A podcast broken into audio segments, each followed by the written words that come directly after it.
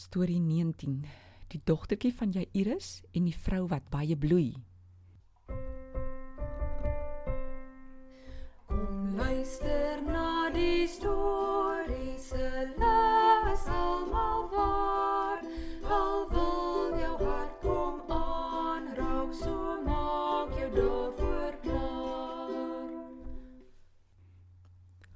Jesus is lief vir kinders, lief, lief, lief.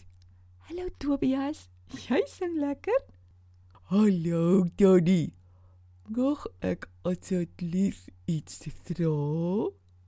Vra ons mos vry Tobias. Wat is dit?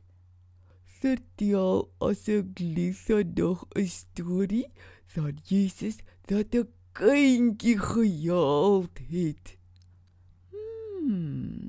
Laat ek dink. Dis hy. Ek het vir jou 'n pragtige storie. Maar ek sal moet twee stories vertel, want die twee dinge het op een dag gebeur. Dis lekker. Hoe meer stories, hoe meer vreugde. Ons sê eintlik hoe meer siele, hoe meer vreugde. Maar ek verstaan wat jy bedoel. Kom ek begin vertel. Dit was weer 'n dag wat baie mense rondom Jesus saamgedrom het. Almal wou sien wat hy doen. Daar was een man wat baie vinnig kom loop het in die rigting van die klomp mense. Hy was baie dringend op soek na Jesus. Sy naam was Jairus. Hoekom het hy vir Jesus gesoek? Tobias. Toe hy by Jesus kom, toe val hy voor sy voete neer en smeek hom: "Jesus, my dogtertjie van 12 jaar lê op sterwe. Sy is verskriklik siek. Kom asseblief gou en lê u hand op haar. Ek weet sy sal weer gelewe en gesond wees." Jesus het dadelik saam met Jairus begin stap na sy huis toe. En Hoe kom sy Daddy in? en terwyl hy op pad was na Jairus se huis, het daar nog 'n baie spesiale ding langs die pad gebeur. Terwyl Jesus so stap tussen die groot klomp mense, kom daar 'n vrou aan wat so skaam, skaam loop. Sy kyk niemand in die oë nie. Sy soek net waar Jesus is. Sy moes maar stamp en stoot tussen die mense deur. Sy was al vir 12 jaar baie siek. En sy het baie gebloei. Sy het elke sent wat sy gehad het, gebruik en van dokter tot dokter gegaan dat hulle haar kan help gesond word. Maar al haar geld was al op en geen dokter kon haar nog help nie. Sy het net al hoe sieker geword. Sy het gehoor van Jesus en sy het gedink: As ek net aan die soem van sy klere kan raak, sal ek gesond word. Sy het deur die groep mense gedruk en gedruk totdat sy agter Jesus was. Toe steek sy haar hand uit en raak aan sy klere. En toe Daddy, Die vrou het onmiddellik gevoel dat sy gesond is. Toe sy aan Jesus se klere raak, toe word sy gesond. Maar Jesus het ook geweet iets het nou gebeur. Hy het gaan stil staan en gevra: "Wie het aan my geraak?" Want ek het gevoel hoe krag uit my uitgaan.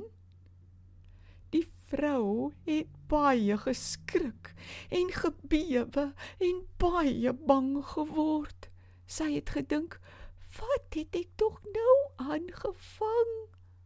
Almal weet nou van my." Die disippels het gesê: die mense stamp en stoot tog heeldag aan u. Waarvan praat u nou? Maar die vrou het voor Jesus se voete neergeval en net daar voor al die mense haar hele storie vertel van hoe siek sy was en dat sy net aan sy klere wou raak en net toe sy dit doen, toe voel sy hoe sy dadelik gesond word. Sy was skaam en bang, maar sy het geweet sy kon alles vir Jesus vertel. En dit doen Jesus toe. Hy het vir haar gesê: "Wees gerus. Dis alles reg, dogter. Jou geloof in my het jou vandag gered. Vrede vir jou en wees vir altyd gesond van jou siekte." Dis fantasties wonderlik. Maar dat nou so 'n ander storie, Tannie. Ons ander storie gaan nog aan. Net toe Jesus klaar met die vrou gepraat het, kom hardloop daar iemand aan van Jairus se huis af met verskriklike nuus. Hy het gesê: "Jairus, jou dogtertjie het nou net gesterwe. Moenie vir Jesus verder pla nie." "Och nee!" Maar Jesus het dadelik gesê: Moenie so ontsteld wees nie. Bly glo in my. Hy hou ook aan om te stap na Jairus se huis toe. Toe hulle daar kom, het die mense kliphard gehuil en treurige fluitmusiek begin speel en geraas omdat die dogtertjie dood is. Dit klink asof Jesus amper met hulle ontevrede was, want hy sê toe: "Wat raas en huil julle so? Gaan weg want die kindjie slaap net. Sy is nie dood nie. Die mense het vir Jesus gelag, want hulle het geweet sy's regtig dood. Jesus vat toe 3 van sy disippels en die dogtertjie se pa en ma in die kamer in waar sy lê. Hy loop tot by haar bed, vat haar handjie en sê vir haar: "Talita, kom." Dit beteken: "Dogtertjie, ek sê vir jou, staan op."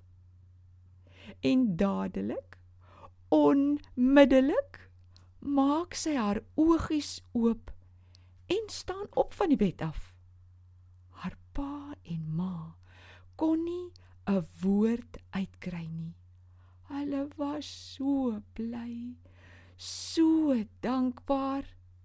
Ek dink hulle het net gestaan en kyk. En kyk. Jesus sê toe, hulle moet vir haar iets gee om te eet.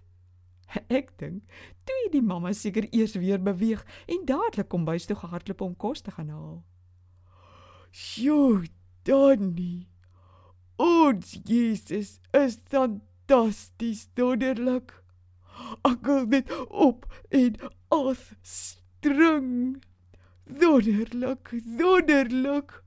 Hierdie stories moet ek nou dadelik vir iemand gaan vertel. Totsiens, Donnie. Ek draf nou eers. Tot sins Tobias. Daar sal uit by die deur.